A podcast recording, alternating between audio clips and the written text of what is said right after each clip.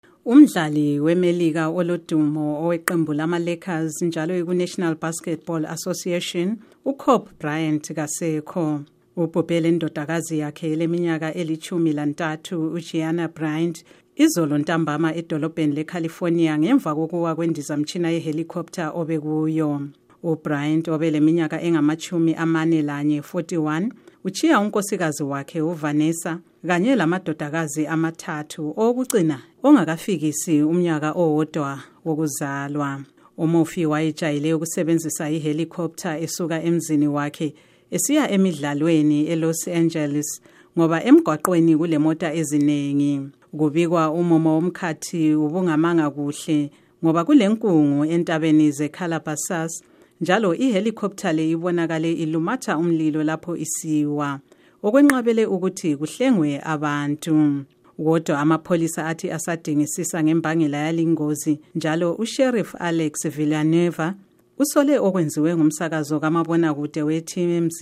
ngokuqala ukusakaza lolu daba izihlobo zabatshonileyo zingakaziswa ngokwenzakeleyo umongameli donald trump unkosikazi wakhe umelania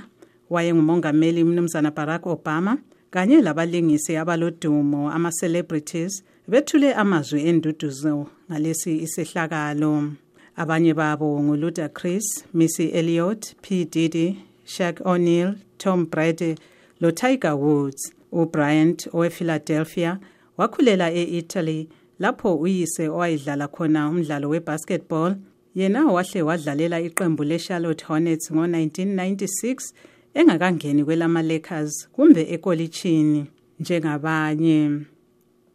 Wafeza okuningi emdlalweni webasketball njalo ulenhlanganiso encedisa ukuqeqesha abantwana kulomdlalo